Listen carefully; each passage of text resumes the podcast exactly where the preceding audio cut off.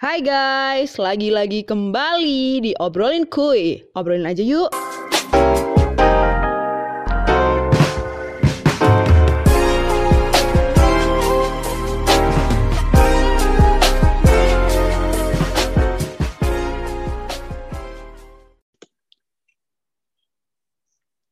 Hai guys, episode kali ini kita bakal ngebahas sesuatu yang menurut aku sangat menarik buat dibahas, yaitu uh, temanya partner kerja.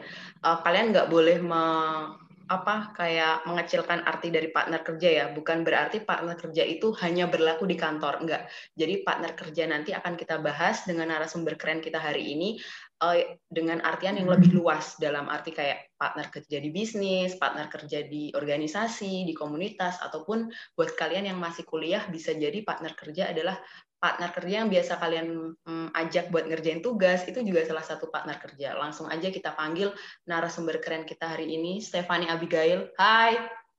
Halo, Tias. Hai.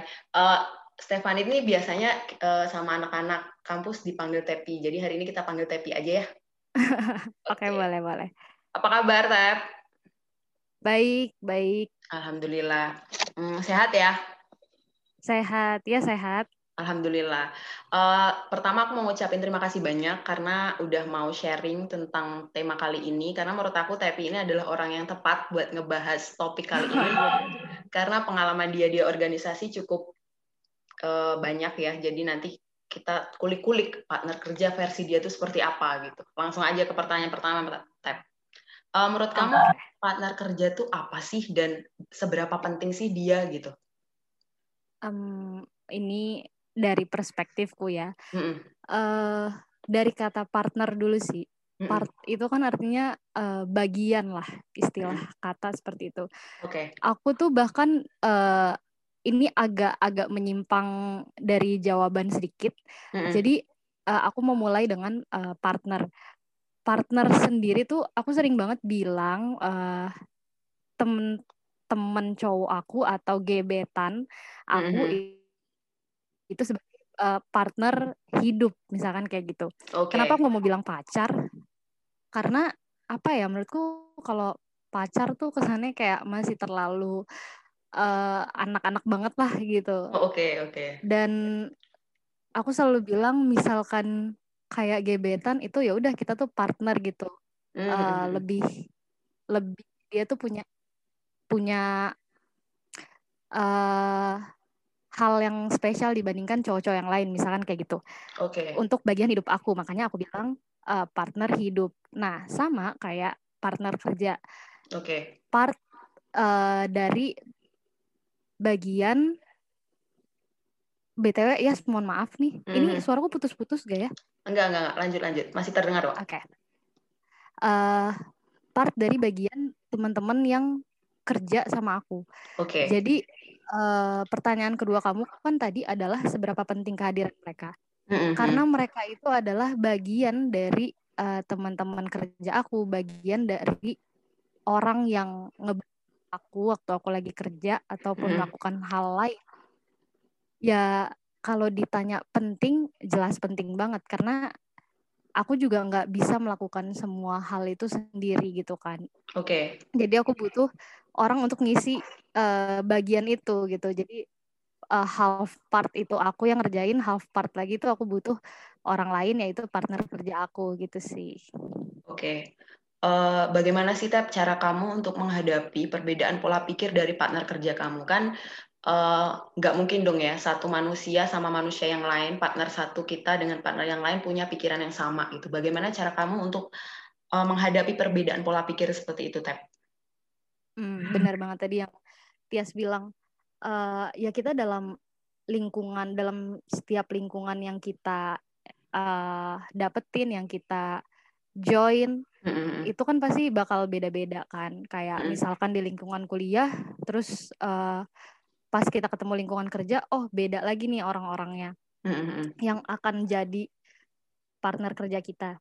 Oke. Okay. Nah jelas banget bakalan ada banyak pola pikir yang mungkin misalkan kita di lingkungan yang pertama kita merasa nyaman nih orang-orangnya karena kalau aku mau kayak gini mereka juga mau nurut dan lain sebagainya. Tapi waktu okay. kita ketemu di lingkungan yang lain mm-hmm. ternyata oh orang-orangnya kok uh, agak susah ya diajak menyeragamkan isi kepala kayak mm-hmm. gitu atau semacamnya lah. Nah kalau dari aku sendiri se sepengalamanku ngikut organisasi ataupun acara-acara yang melibatkan banyak kepala di dalamnya mm-hmm. itu sih tapi kita balik lagi ya kayak uh, orang ini gak cuma isi kepalanya doang yang mau kita selarasin tapi dia tuh sifat dan wataknya kayak gimana oke okay. karena mungkin ada orang yang pemikirannya bagus banget mm -mm. tapi waktu kita ajak kerjasama ajak musyawarah dia nggak mau nah oh, okay. itu kan sangat disayangkan ada mm. juga yang mungkin dia pemikirannya biasa aja tapi waktu diajak brainstorming oh enak nih orang uh, apa dia easy going orangnya terus kita bisa uh, discuss banyak nah itu kan jadi lebih apa ya lebih nyaman gitu mm-hmm. kalau dari pertanyaan Tia sendiri gimana cara aku ngadepin perbedaan pola pikir banyak kepala ini mm-hmm. kalau dari aku sendiri sih aku tuh orangnya nggak yang keras gitu ya ya maksudnya mm-hmm. aku akan ngasih tahu pendapatku kayak gini kalau misalkan orang terima ya silahkan tapi kalau misalkan enggak juga ya nggak apa-apa gitu. Okay. Dan kalau misalnya ada orang yang biasanya kan dalam satu organisasi atau satu lingkungan tuh bakalan kamu tuh akan sering melihat orang-orang yang mau uh, apa ya yang dominan lah okay. dalam tanda kutip.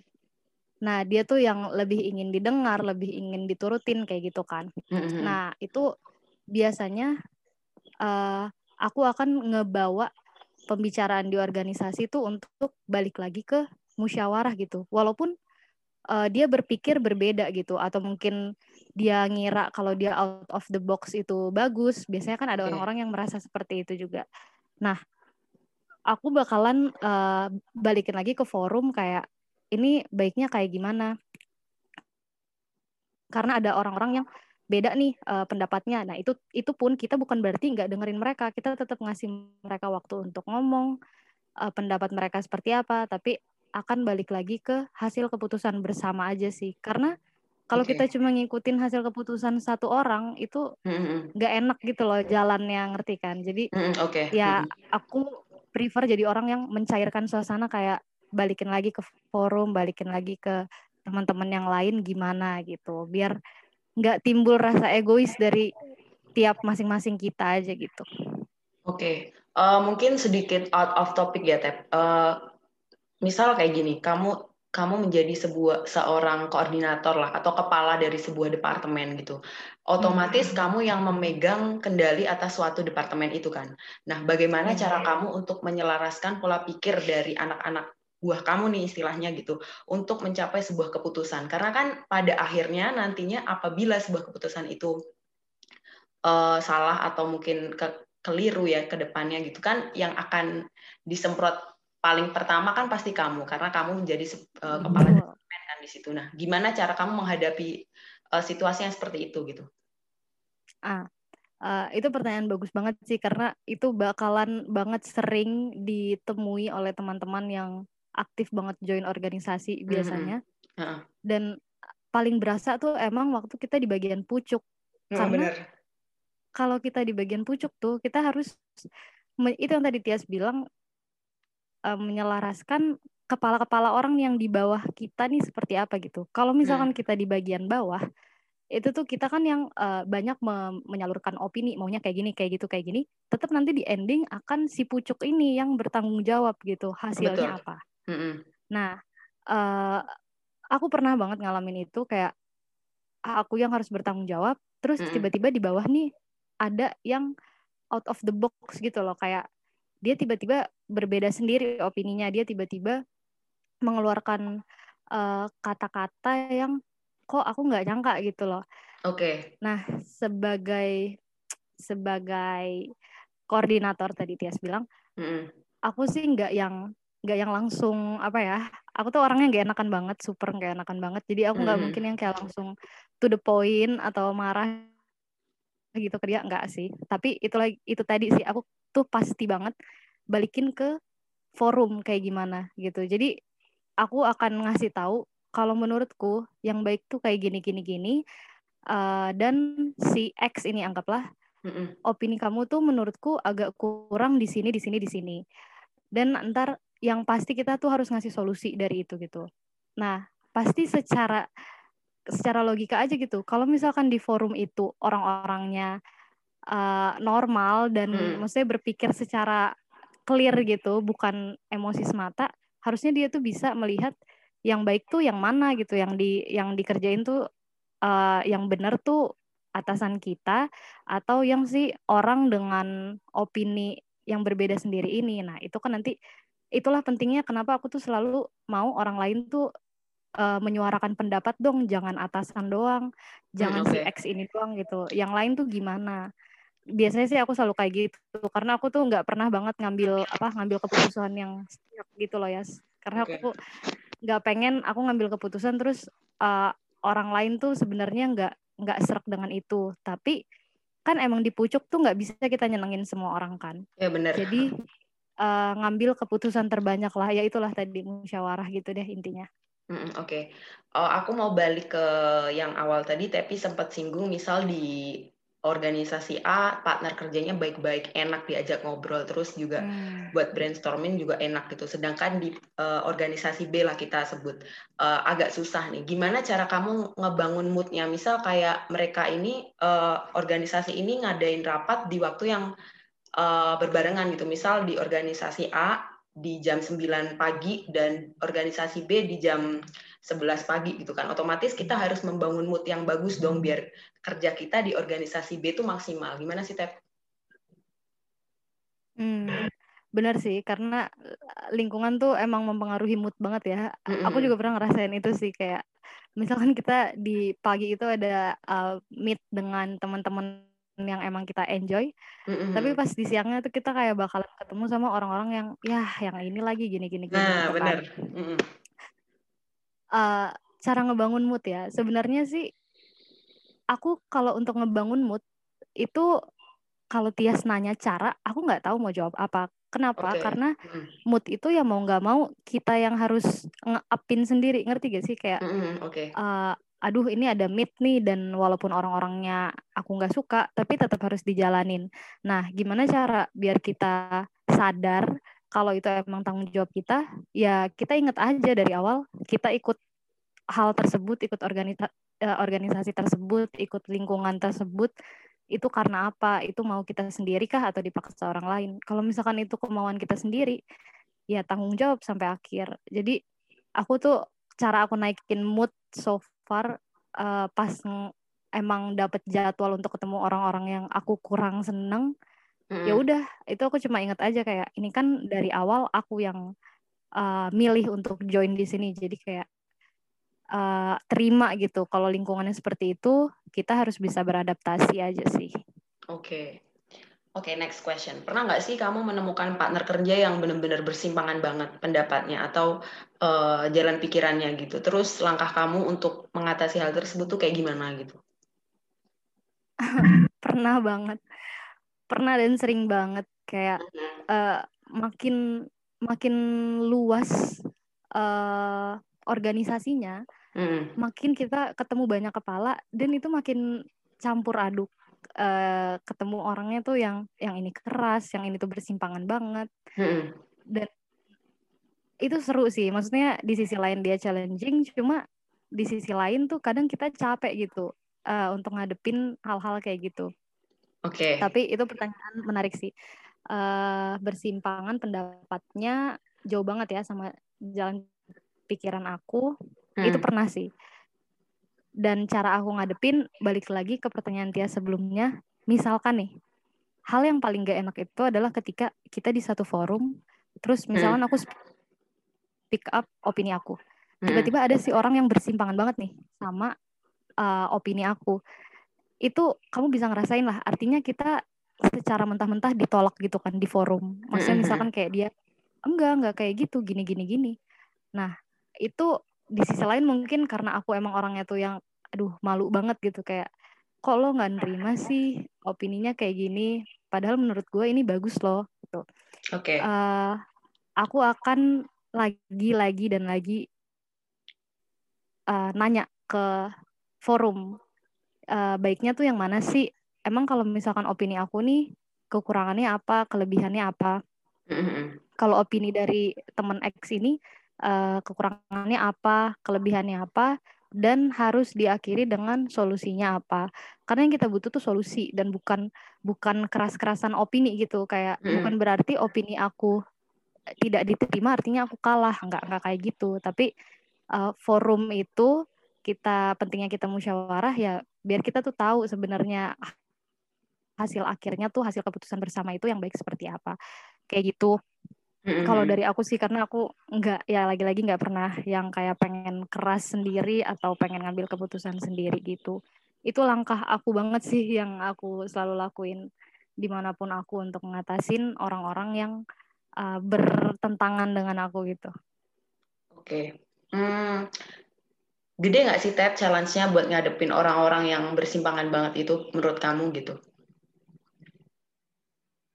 Uh, akan semakin gede kalau kita tahu orang ini tuh udah bersimpangan sama kita terus dia tuh yang wataknya keras gitu ngerti gak sih? Mm, apalagi okay, dia bisa membawa alur uh, forum itu gitu. Kayak menggiring opini forum itu untuk yang kayak aku loh opini ku loh bener gini gini gini.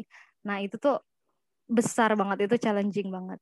Cuma uh, menurutku sih kalau misalkan emang kita merasa opini kita atau plan kita atau ide kita itu sesuai dan bagus ya kita nggak usah hmm. takut dengan cara dia menggiring opini atau cara dia menyampaikan opini dia tapi balik lagi kan tujuan kita baik jadi hmm. waktu kita nyampein opini even itu bertentangan dengan beberapa orang ya kita jelasin aja tujuan kita apa goals dari uh, yang opini yang kita maksud itu apa benefitnya apa ya udah jadi kayak santai aja sih menurutku tapi kalau emang forum itu uh, lebih condong dengan ide si orang yang bertentangan ini, artinya pasti ada pertimbangan dong. Gak mungkin yang kayak ah udahlah kita pilih uh, in, kayak gini aja, emang dia yang benar gini-gini kan ya bukan organisasi yang anak kecil lagi gitu. Maksudnya kita okay. bisa berpikir jelas gitu.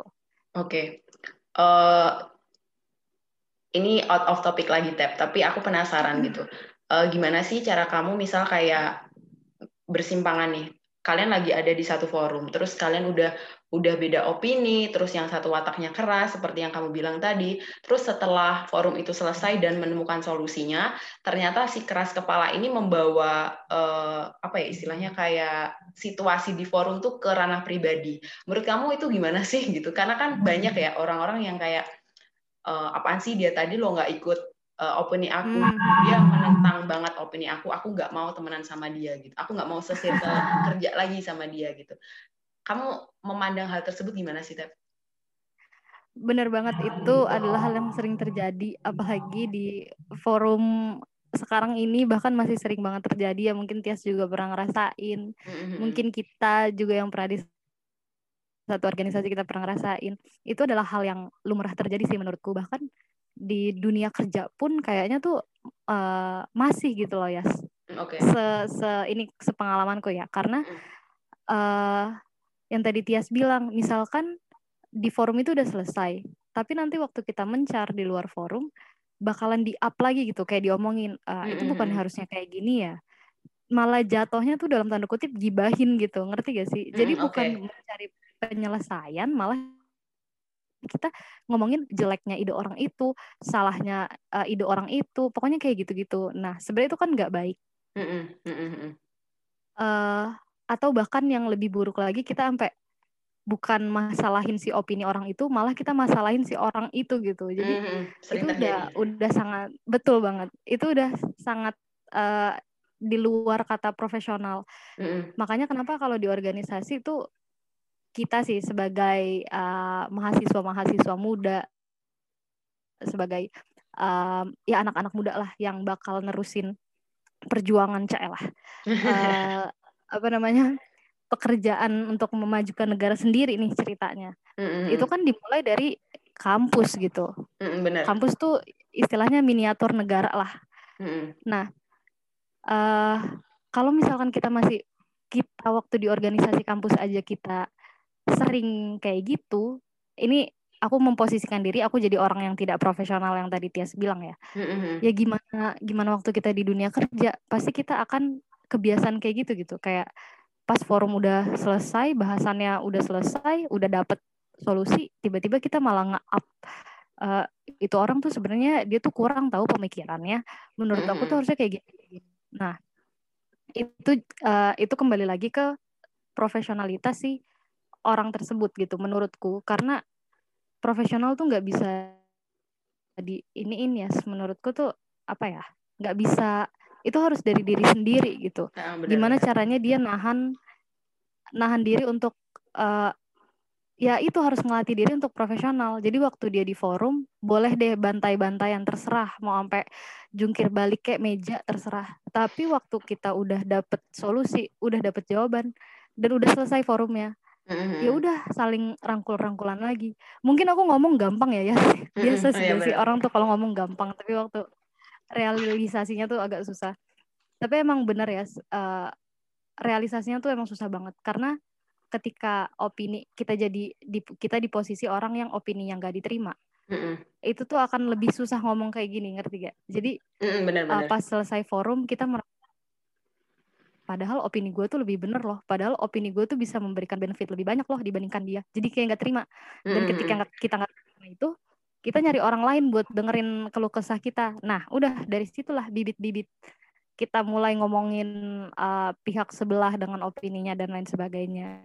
Jadi emang ngerem mulut sendiri tuh itu jauh lebih susah sih jujur. Kayak itu emang harus okay. sendiri Oke, uh, dari pengalaman Tepi sendiri, pernah nggak sih bersimpangan dengan sahabat sendiri gitu? Terus gimana langkah kamu buat ya udah forumnya udah selesai, udah dapet solusi, terus balik lagi ke temenan biasa, pernah nggak sih Tep? Pernah banget ya, itu ya ampun itu pernah banget dan kalau sama sahabat sendiri ya, kalau kamu mention sahabat itu tuh beribu-ribu kali lebih berat banget dibandingkan mm -hmm. kayak kita cuma sama partner kerja semata. Mm -hmm. Misalkan aku sama Tias bukan sahabat ya. Misalkan Tias mm -hmm. dari kantor mana dan aku uh, ada di kantor yang sama terus kita rapat dan aku bertentangan sama Tias. Aku nggak mm -hmm. akan terlalu musingin kamu gitu kayak mm -hmm. ya udah kita cuma rekan kerja eh, nggak uh, ada masalah lo uh, mau opini apa, gua mau opini ini, mm -hmm. ya udah gitu dan kita hanya akan ketemu di tempat kerja. Tapi kalau okay. misalkan Tias bawa-bawa sahabat nih, itu tuh susah karena sahabat itu juga sama dengan partner. Itu yang tadi hmm. aku bilang di pertanyaan pertama banget kayak hmm. uh, gebetan atau pacar. Aku meng uh, menganalogikannya atau menyebutnya sebagai partner hidup, hmm. bagian dari hidup aku juga atau uh, sahabat itu juga sama partner uh, hidup aku gitu, bagian dari hidup aku juga. Nah, waktu kita bertentangan sama sahabat kita sendiri dan hmm. kita ada di satu organisasi yang sama, itu akan lebih riskan kebawa ke permasalahan pribadi itu yang tadi kamu bilang soal sebelum ini. Okay. Karena kita sahabatan, kita makan bareng, kita minum bareng, tiba-tiba pas lagi di organisasi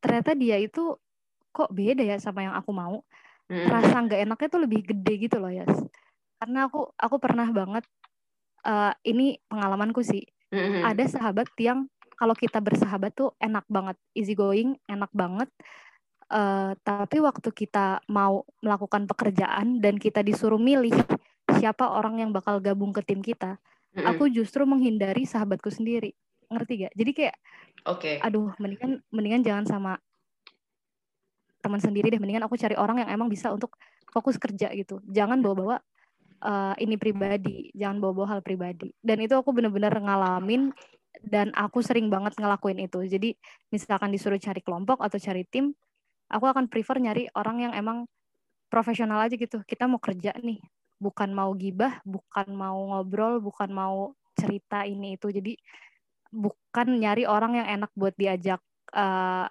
bercengkrama tapi nyari orang yang enak diajak kerja gitu itu hmm. berasa banget sih aku jadi inget masa-masa kuliah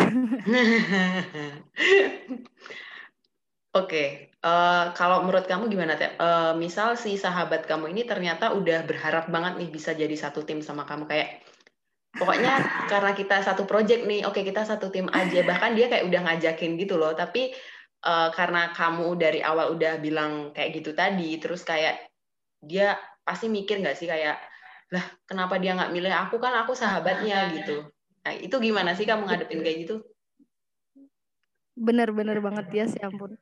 Ini flashback eh, masa-masa kuliah ya ceritanya. Hmm, oke. Okay.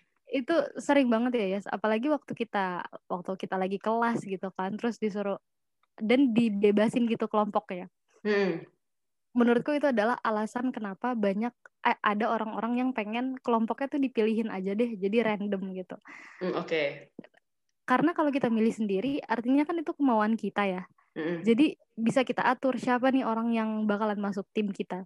Nah, karena aku tuh emang udah uh, berprinsip seperti itu, kayak saat aku disuruh nyari tim, aku nggak akan aku milih orang ini bukan karena dia itu sahabat aku, tapi karena aku tahu dia bisa diajak kerja sama kayak gitu. Okay. Walaupun misalnya aku milih nih, kan sahabatku misalnya ada ada banyak misalkan, uh, aku milih buat timku ternyata ada salah satu sahabatku yang kepilih untuk masuk timku sendiri.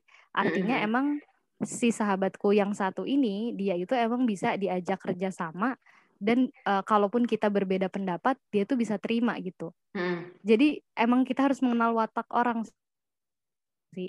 Cuma kalau dari aku sendiri sih aku lebih seneng kalau kerja ya kerja, kalau sahabatan ya sahabatan. Aku emang memisahkan memilah-milah itulah gitu. Jadi uh, profesional profesional kalau kita emang mau temenan temenan sahabatan sahabatan kayak okay. gitu sih mungkin dari aku oke okay, oke okay. menarik uh, mungkin ini jauh bukan ke lebih ke kampus ya lebih ke after graduate gitu. Uh, mungkin lingkungan pergaulan kita tambah semakin lebar ya Tep. Mungkin uh, bagi sebagian Betul. orang gitu. Nah sering nggak sih kamu ngadepin kondisi di mana ya itu tadi gitu partnernya nggak sesuai? Karena kan mungkin bisa dibilang kayak partner kita tuh nggak pernah kita tahu sebelumnya gitu loh. Kalau misal di organisasi hmm. kampus mungkin kita masih kenal oh dia prodi A gitu aku pernah kenal dia gitu tapi nggak secara dalam jadi aku nggak tahu wataknya seperti apa sifatnya seperti apa apakah dia keras kepala atau enggak nah kalau setelah lulus ini kan kita banyak banget bekerja sama dengan tim yang at least sebelumnya kita belum pernah ngobrol gitu. Nah, itu kamu ada nggak sih kayak uh, tips gitu kayak gimana sih cara ngadepin orang-orang yang emang dari awal aku belum kenal tapi aku akan bekerja sama dengan dia gitu. Nah, artinya ini tuh orang baru gitu kan. Mm -hmm, bener.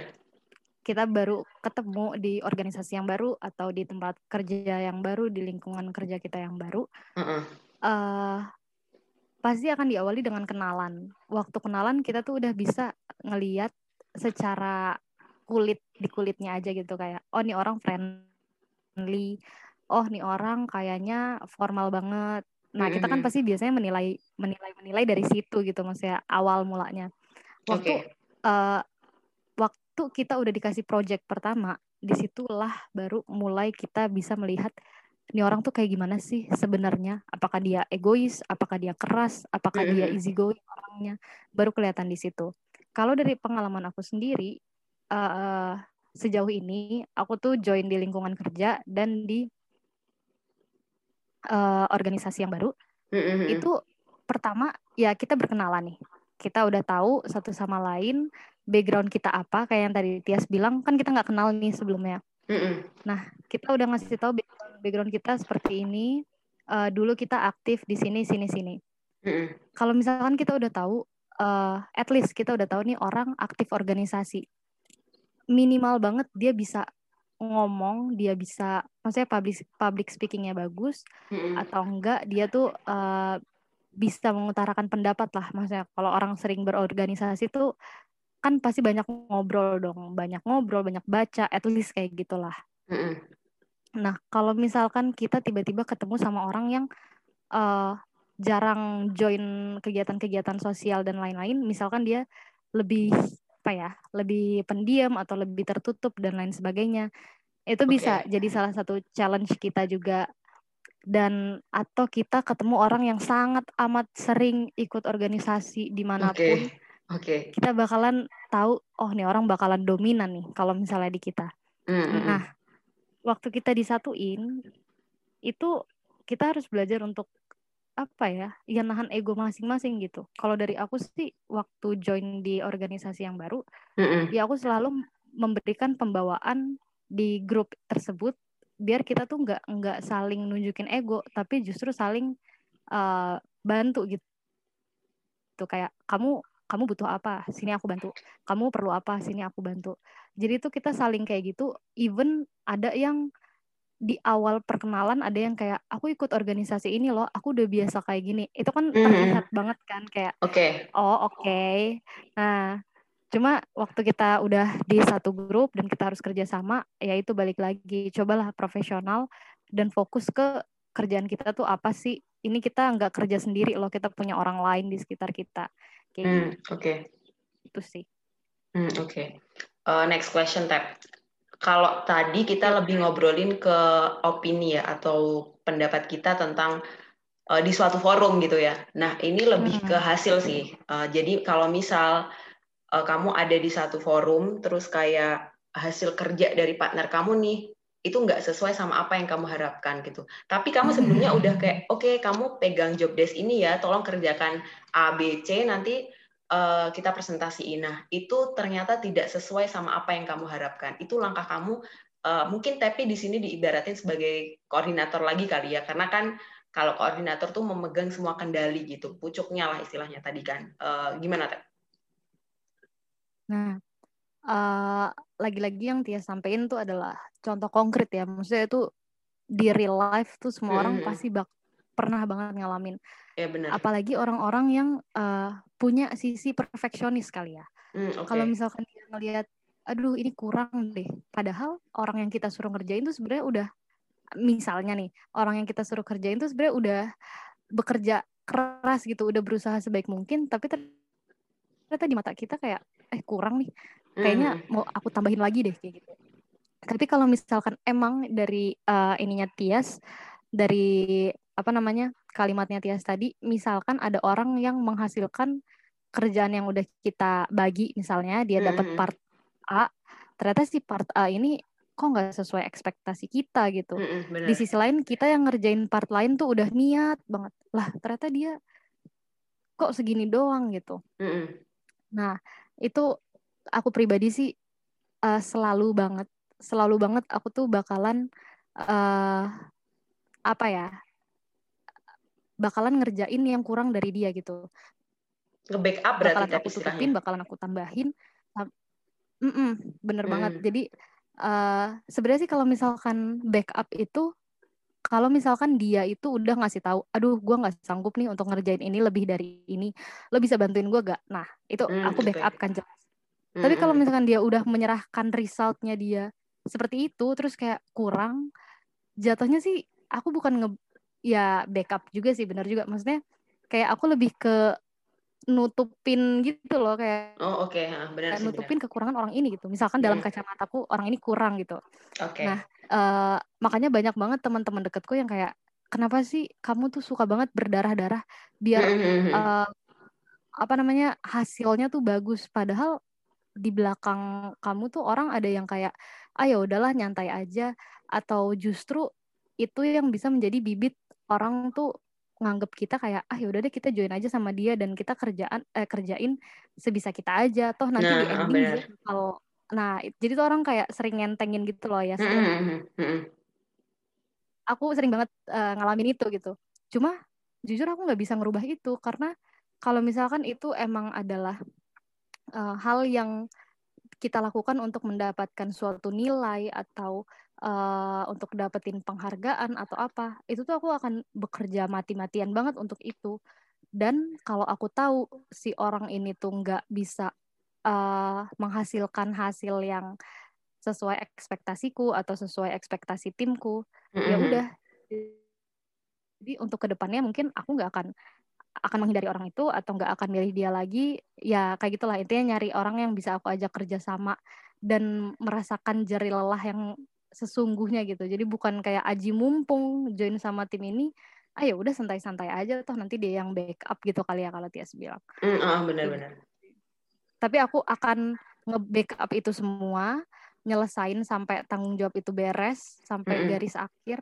Tapi untuk next uh, kesempatan seperti seperti itu lagi ya aku nggak mungkin percaya sama orang yang sama gitu aja sih tapi aku nggak akan benci dia maksudnya oh, okay. ya biasa aja kita profesional aja gitu hmm, oke okay. ada kesulitan nggak sih tadi tapi bilang kayak harus ya harus berdarah-darah harus ngerjain apa yang result yang dia kasih ke kamu tapi nggak sesuai sama ekspektasi tim ada kesulitan nggak sih kan otomatis kayak sebenarnya job desk itu tuh kita nggak pelajarin tapi kita harus pelajarin karena ya gimana kalau hasilnya kayak gini mana kita kan jadi kayak malu kan kalau misal nyerahin result yang biasa aja gitu. Ada kesulitan nggak sih, Tep?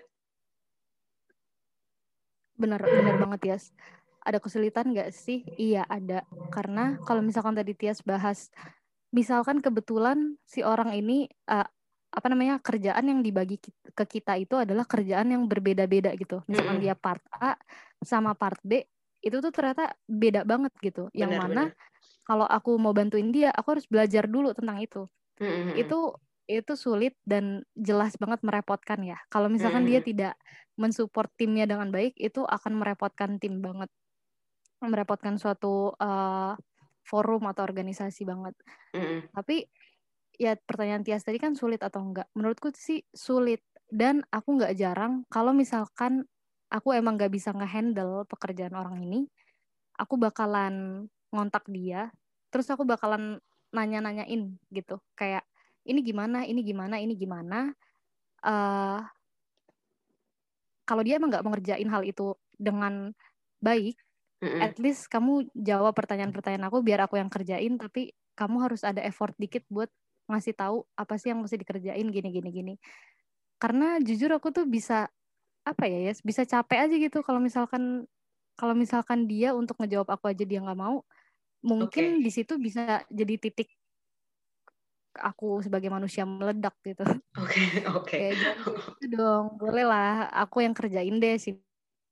Ini deh aku yang berdarah-darah deh nggak apa-apa deh. Tapi tolong uh, sekedar informasi aja apa yang harus dikerjain. Bagian ini tuh apa sih materi-materinya kayak gitu sih. Hmm, oke. Okay.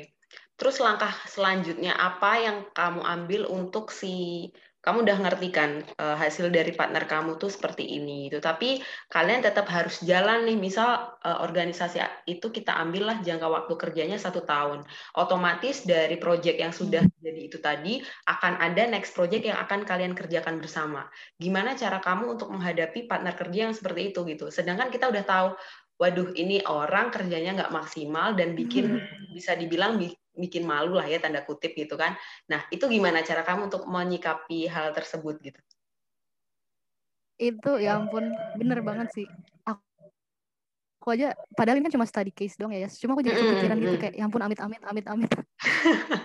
dan dapat project satu tahun dan di first project kita tuh kayak kita udah melihat nih orang kok nggak kompeten gitu ya. Iya benar. ya ampun. Um, apa ya? Tias nanyanya apa? Solusi atau gimana cara aku menghadapi ya? Cara menghadapinya kayak gimana gitu? hmm, gini deh. Kalau menurutku sih, mm uh, misalkan dia nggak kompeten mm di timku lah, istilah kayak gitu. Pasti nggak uh, mungkin dong orang-orang di sekitarnya dia tuh nggak sadar gitu kalau dia nggak kompeten. Pasti orang tuh akan merasakan hal yang sama yang aku rasain dong. Nah, untuk ngejalanin project selama satu tahun, kalau orang kayak gitu didiemin, itu pasti akan ngelunjak menurutku. Tapi kalau misalkan kita memang ada di lingkungan kerja atau uh, lingkungan formal lah, misalkan tadi Intan, eh Intan, uh, Tias bilang uh, ada project satu tahun nih misalkan, mm -hmm. itu pasti harusnya ada evaluasi sih menurutku ya.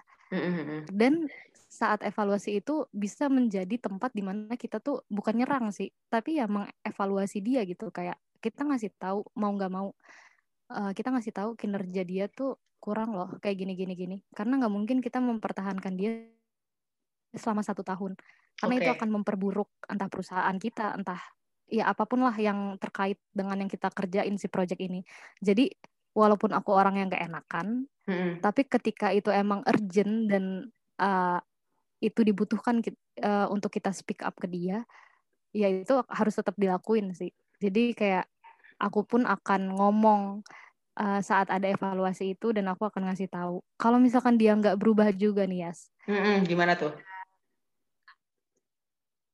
uh, itu udah bukan ranahku lagi sih karena misalkan karena yang ngerasain itu nggak mungkin cuma aku doang tapi bakalan mm -hmm. ada orang-orang waras lainnya okay. yang merasakan hal yang sama okay. jadi itu udah udah ini ya udah next stage lah. Maksudnya kayak uh, mungkin atasannya aku lagi yang langsung turun ke bawah dia uh, mengevaluasi dia dan lain sebagainya. Tapi kalau dari kita work as a team dan ada orang kayak gitu ya itu better kita langsung kasih tahu sih kita uh, bahas evaluasinya dia lebih baik kayak gimana gimana gitu sih.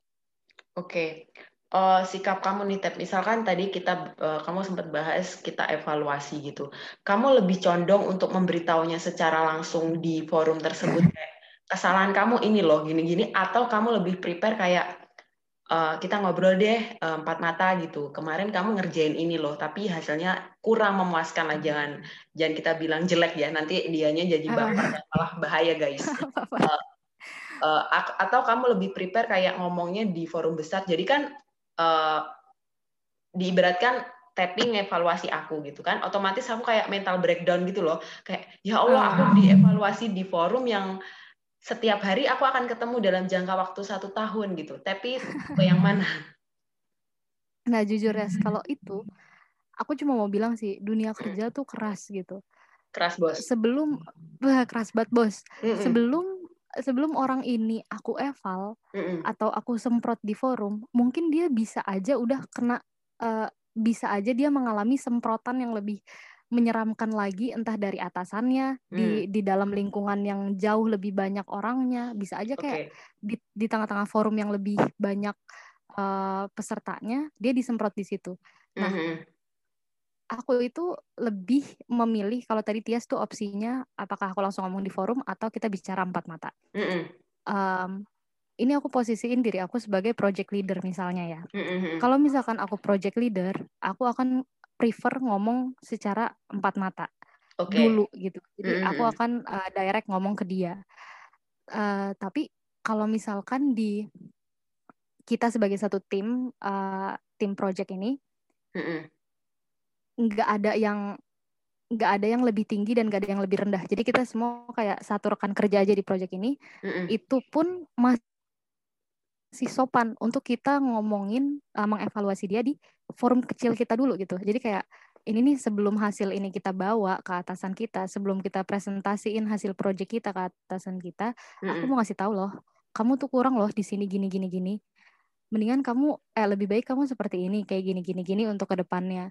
Okay. Nah, karena dibanding kita uh, satu tim ini udah masuk lagi untuk presentasi ke forum yang lebih lebar mungkin atau uh, ada banyak atasan kita yang lainnya dan hmm. dia justru malah dipecen sama um, atasan kita lebih ganas lagi gitu hmm. kan itu bakal lebih memalukan kan nah hmm. aku tuh nggak nggak pengen banget uh, kamu pernah gak sih ngerasain kayak misalkan ada orang di depan mata kamu yang dimarahin di depan forum tapi malah kamu yang takut malah hmm. kamu yang malu iya benar-benar hmm. benar hmm, hmm. oke okay. nah aku tuh orangnya kayak gitu jadi kayak karena aku nggak mau kamu digituin sama mm -hmm. orang lain jadi mendingan aku as a project leader aku ngomong duluan ke kamu kayak gini-gini atau kita di forum kecil dulu aku bakal direct ngomong ke kamu kayak gini-gini gini gitu sih aku bukan tipe orang yang suka nyerang di depan umum gitu aku nggak nggak sih maksudnya kalau emang itu tidak dibutuhkan aku nggak akan melakukan itu tapi kalau emang di forum itu adalah ajang bukan ajang sih ya ampun kok ajang kalau di forum itu adalah tempat atau memang kesempatan kita untuk uh, speak up untuk mengevaluasi uh, di situ doang ya udah aku akan ngomong di situ gitu tapi kalau misalkan kita ada opsi lain untuk bisa kayak tadi Tias bilang bisa bicara empat mata dulu bisa diomongin mm -hmm. dulu ya lebih prefer kayak gitu sih Yas. Oke. Okay. Uh, eh, ada nggak sih Tab kayak cerita kamu secara real life yang mungkin kamu rasain di lingkungan organisasi kampus atau untuk saat ini gitu yang uh, kamu bisa memposisikan diri kamu sebagai uh, staff biasa atau project leader seperti yang kamu bahas tadi uh, menghadapi orang-orang yang jauh beda banget gitu. Itu pernah nggak sih kamu merasakan hal itu secara real gitu? Dan gimana cara kamu menghadapinya? Terus nanti setelah proyek itu selesai, kamu bertindak seperti apa gitu dengan orang yang uh, bisa dibilang 180 derajat jauh banget um, cara mereka berpikir gitu pernah nggak sih yang uh, real banget gitu yang pernah wah ini benar-benar nggak bener nih gitu loh? Uh, pernah sih, hmm. pernah dan untungnya itu cuma sekali sih dalam hidup aku. Oke. Okay. Uh, aku tuh orangnya termasuk supel ya, ya yes. maksudnya hmm. bukan tipe orang yang sulit berteman atau maksudnya aku biasa aja gitu kalau misalkan ketemu orang dia ngajak sosialisasi aku bisa gitu oke okay. uh, di di dalam di pengalaman aku dalam hmm. uh, suatu forum yang aku join ini tiba-tiba ada orang yang tadi Tias bilang 180 derajat uh, berbanding terbalik dengan aku atau dengan pemikiran aku atau hmm. Parahnya kalau misalkan aku opini apa dia tuh udah langsung nentang langsung nentang kayak gitu hmm. dan uh, kita harus ada di suatu project dalam jangka waktu yang cukup lama. Mm-hmm. Nah, kalau Tias nanya cara menghadapinya ya, jujur aku aku beneran cuma bisa kayak menjalani itu sampai selesai, uh, ngejalanin sama orang itu dengan ya udah sabar-sabarin aja. Karena aku tahu besok dia pun akan tetap orang yang sama. Dia nggak akan tiba-tiba jadi malaikat. Dia akan bersifat dan berwatak seperti itu. Jadi kayak aku bakalan ya udah jalanin aja uh, sampai tanggung jawab ini selesai. Uh, tapi jangan sampai dia itu menurutku di dalam tim pun kita punya tanggung jawab masing-masing kan. Dia hmm. itu mau mau bersifat kayak apa mau melakukan bersikap kayak apa mau melakukan hal apa pun di dalam forum walaupun itu nggak nggak ngenakin buat aku at least uh, as long dia nggak mengganggu tanggung jawab aku, nggak mengganggu um, apa namanya pekerjaan-pekerjaan yang harus aku selesain, mm. ya nggak apa-apa. Tapi kalau misalkan dia udah mulai yang kayak uh, istilahnya tuh apa ya ya, kayak dia tuh mulai masuk ke jalur aku gitu. Okay. Misalnya dia mendominasi tim, terus kayak ini tuh nggak kayak gini atau dia nentang aku terus atau dia mulai ya pokoknya masuk ke jalurku lah. Mm-hmm. Itu mungkin aku bakalan speak up sih. Cuma so far yang tadi aku bilang aku benar-benar cuma pernah sekali doang di dalam uh, mengalami hal ini gitu yang benar-benar 180 derajat ya Yas. Kalau misalkan orang-orang yang kayak wataknya keras dan lain-lain ya itu kayak biasa aja sih menurutku. Okay. Tapi kalau misalkan yang emang benar-benar bertentangan banget dengan aku, nentang aku terus itu aku ya udah cuma um, jalanin aja. Uh, aku ngerjain kerjaan aku, kamu ngerjain kerjaan kamu kita sama-sama uh, bangun tim ini secara um, profesional.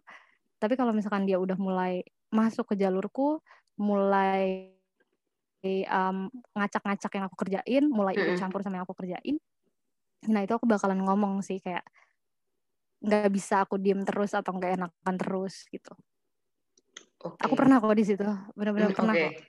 Mm, kamu sampai nangis gitu nggak sih Tep ngadepin partner kerja yang kayak gitu kan otomatis kayak mental kita kena kayak emosi kita orang urung apa istilahnya kayak muter terus kan kayak kita nggak bisa stabil gitu loh emosinya karena ngadepin bener, bener, bener. orang kayak gitu gitu kamu sampai nangis gitu nggak sih Tep aku kayak penasaran gitu loh menghadapi orang yang 180 derajat beda banget gitu Betul, betul. Kalau Tia sih nangis ya kayaknya. Kalau Tia iya. nangis. Bener banget. Iya. aku aku tuh aku justru malah sering banget uh, mendengarkan curhat teman-temanku yang udah sampai tahap nangis menghadapi iya menghadapi hal tersebut. Cuma kalau aku sendiri sih aku belum pernah ya sampai tahap nangis karena uh, Stephanie Abigail is strong. bohong. bohong. bohong. Enggak, enggak, enggak uh, tapi aku nggak sampai tahap nangis ya karena kayak aku selalu berpikir enggak air mataku tuh enggak enggak pantas untuk menangisi kamu. Tapi bener juga guys. Bener juga. Bercanda bercanda. Tapi nangis itu bukan berarti kita lemah tapi jujur kalau aku udah capek banget itu baru nangis gitu. Jadi nangis itu bukan karena uh, cengeng atau kita merasa sakit hati atau apa enggak. Tapi mm -hmm. cuma kayak capek banget aja gitu. Kenapa sih ganggu gitu loh oh, tapi aku nggak nggak nyampe nangis ya aku belum pernah nggak belum sampai tahap nangis lah tapi agak meneteskan air mata gitu ya teh oh enggak, sama enggak enggak, enggak. oke okay. hmm, kalau kamu lebih uh, pendapat kamu tap partner kerja hmm. yang kayak gitu tuh bisa nimbulin circle toxic nggak sih menurut kamu? Kalau dari segi pandanganmu tuh, kalau dari misal kayak berbeda berbeda pendapat terus bersimpangan itu uh, akan menuju ke circle yang toxic nggak sih menurut kamu? Menurutku itu benar sih ya. Hmm. Kita bahas circle toxic nih ya topiknya. Hmm. Kalau misalkan menurutku di organisasi itu uh, di organisasi forum atau lingkungan pekerjaan lingkungan apa pun berbeda pendapat itu adalah hal yang lumrah gitu justru hmm, kalau bener. misalkan pendapat kita seragam seragam aja kita nggak akan apa ya ya nggak akan maju gitu maksudnya nggak akan ada uh, misalkan orang ini punya inovasi ini yang ini hmm. punya inovasi juga nah kita tuh justru butuh orang-orang yang intinya seperti mereka lah yang bisa menyuarakan pendapat dengan lantang gitu maksudnya kayak oh enggak. Menurut aku aku enggak setuju dengan ini. Karena pasti kamu sering banget ketemu sama orang-orang di organisasi yang kayak atasan yang ngomong apa dia cuma kayak oh iya iya iya iya aja gitu. Menurut hmm. dia dengan iya iya iya dengan iya iya ke atasannya itu adalah sebuah uh, apa namanya ya artinya nih orang nurut nih mungkin atasannya akan senang dengan dia dan lain sebagainya. Tapi menurutku uh, kita tuh justru butuh orang-orang yang bisa uh, speak up atau ngebatesin gitu kayak aku nggak setuju loh sama ini menurutku lebih baik kayak gini nah kalau ada uh, perbedaan opini itu justru lebih apa ya lebih berkembang menurutku diskusinya mm-hmm. tapi yang akan masuk ke menuju ke toxic circle mm-hmm. itu orang-orang yang kayak tadi aku bilang ke kamu uh, dia itu join organisasi itu bukan dengan apa ya bukan dengan uh, pikiran yang bersih gitu loh. Maksudnya dia dia ada ada rasa-rasa kayak ingin terlihat ingin didengar ingin ada egonya lah. Dia hmm. ngebawa itu ke organisasi. Itu bakalan uh, jadi ke toxic uh, ke toxic circle gitu. Hmm, hmm, hmm, benar. karena yang tadi aku bilang misalkan dia dia berbeda pendapat. Aku nggak pernah masalahin orang mau beda pendapat kayak apa pun sama aku. Aku nggak pernah masalahin itu.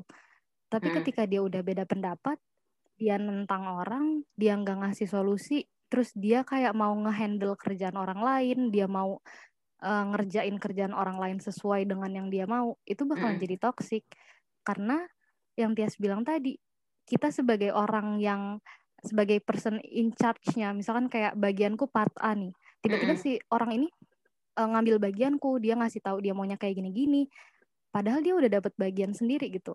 Okay. Nah, jatuhnya tuh aku bakalan capek, aku bakalan nggak semangat buat jalanin project itu ke depannya. Ya itu yang tadi Tias bilang, mungkin orang-orang yang uh, sangat perasa tuh bisa sampai nangis gitu karena dia mm -hmm. tidak bisa mengungkapkan rasa capeknya ya udah jadi kayak ya udah dia nangis aja nggak tahu lagi mau ngapain ya mm -hmm, benar benar benar nah kayak gitu itu malah yang akan jatuhnya toksik dan bisa aja si orang yang udah capek ini cerita ke temennya. Dari temennya ini juga yang kayak oh iya tuh iya dia gini gini gini. Kan lingkungan kerjanya jadi bahan gibahan doang muter-muter hmm. aja di situ ya kan. Makanya hmm. jadi aku menghindari banget sih uh, organisasi kayak gitu. Jadi kalau bisa emang kita speak up ya speak up aja lah.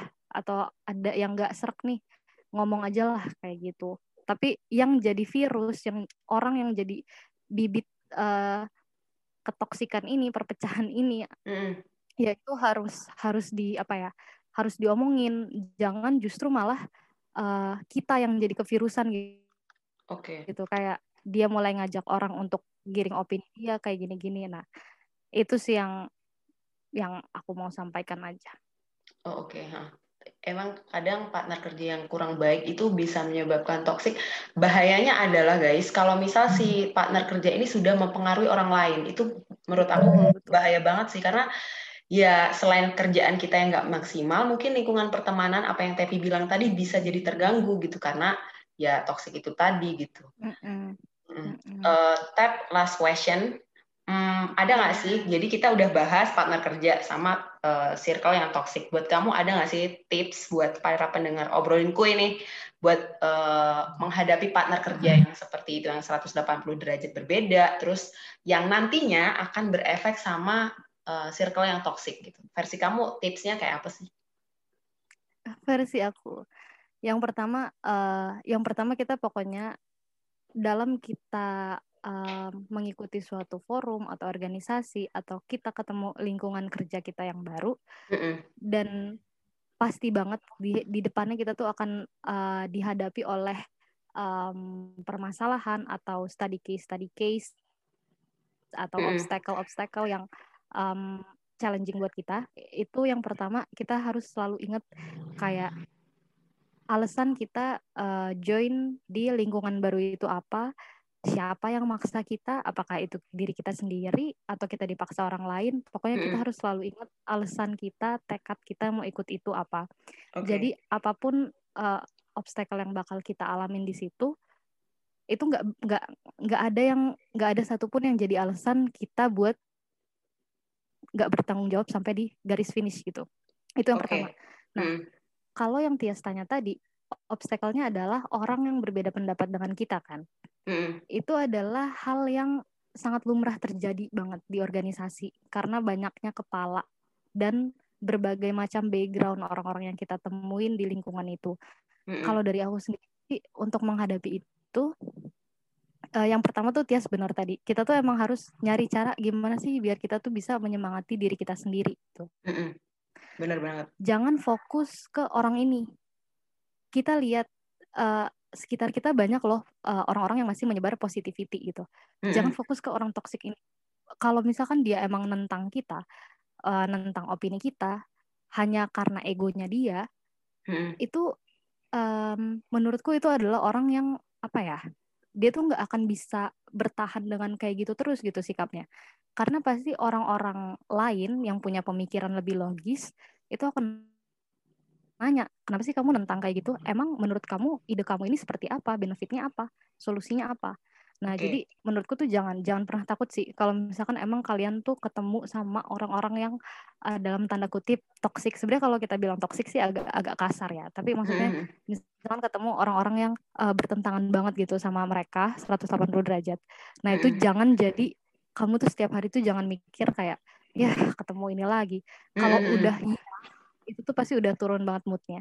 Jadi menurutku fokusin aja diri kita ke uh, lingkungan kita ke teman-teman sekitar kita yang lain yang uh, positive vibes gitu sih. Jadi um, kita tuh nggak kerja sendiri kita punya teman-teman yang lain yang masih support kita gitu.